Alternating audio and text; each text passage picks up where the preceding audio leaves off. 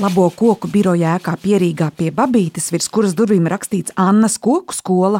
Kāds darbinieks stiprina kājā egli, citi izkar dekorācijas. Fonā slējas īsts Dionams, Piņķu svētās Annas Lutāņu baznīca. Pretī nāk uzņēmuma vadītājs Edgars Neilands.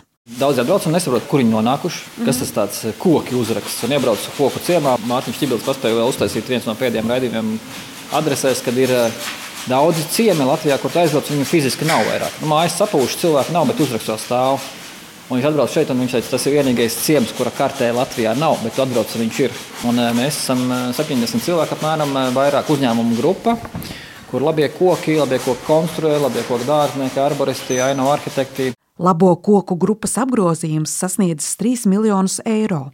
Bez koku nozares prātā pat sociāli projekti, pansionāts un bērnu dārzs, ir arī uzņēmums Norvēģijā. Bet krāšņā egle, kas tiek pušķota, vispirms priecēšot viesus, kuri sarunājuši zāli pasākumiem.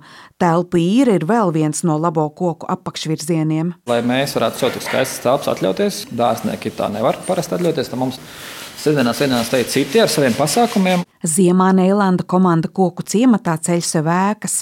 2010. gadā pērkot šeit zemi pēc portālā SS ievietot sludinājumu, viņš pat nezināja, ka līdzās būs baznīca.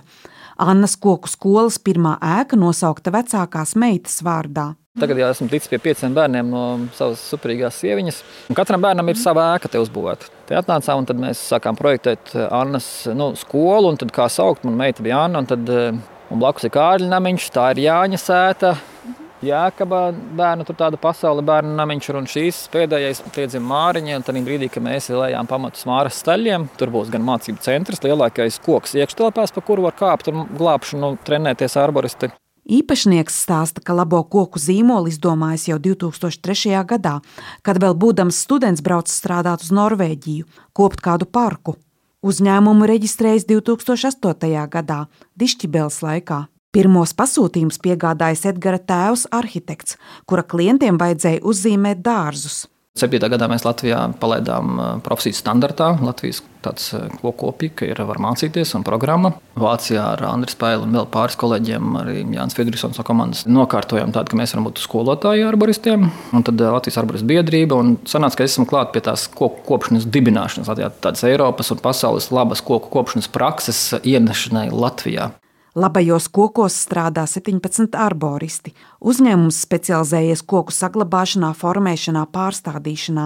Tā var varbūt tās tā likties uzreiz ka mums tās citu cilvēku nelaimes, vētras un viss atnes peļņu, bet mums viņas atnes milzīgu stresu. Jo cilvēki zvana, viņi beidzot saprot, kāpēc tie labie koki ir vajadzīgi, lai atrisinātu, noņemtu no viņu mājas jumta priedi uzgāzušos vai kādu citu koku no mašīnas. Un tā. un mēs sakām, Diemžēl mēs jums varēsim palīdzēt pēc diviem vai trīs mēnešiem. Jā. Darbinieki zvanot klientiem, lūgdami palaist priekšā tos, kuru īpašumā ir avārija. Mūsu tikšanās dienā situāciju koriģē sniegliece. Tad lūst pirmais priedes, jo viņām ir lapkokiem lapas nokrīt, viņiem mazāk tas sniegs virsū. Eglēm zari nolokās un slīd lejā, bet priedēm ir tā, ka viņām ir asimetriski zari, lieli izlaisti un sniegs saķēries, tur vecie zari, vecās skujas, nekas netiek cauri tad ļoti daudz zvani no jūrmālas meža parka. Vēl sarunā pieskārušies koku stādīšanai ziemā, nonākam pie misijas, kas labos kokus gaida jaunās koncertzāles vietā Kronvalda parkā. Būt epicentrā filharmonijas tapšanā, ko esam gaidījuši tik ilgi, ir liels gods, bet arī milzīga atbildība. Un labie koki jau gatavojas nonākt zem lupas, atzīst Edgars Neilands. Vai viņa vadītajam uzņēmumam izdosies vinēt konkursā ne tikai projektēšanas stadijai, bet arī zaļās zonas ierīkošanai kopā ar būvniekiem, gan vēl nesot zināms. Ieva Puķa, Latvijas radio.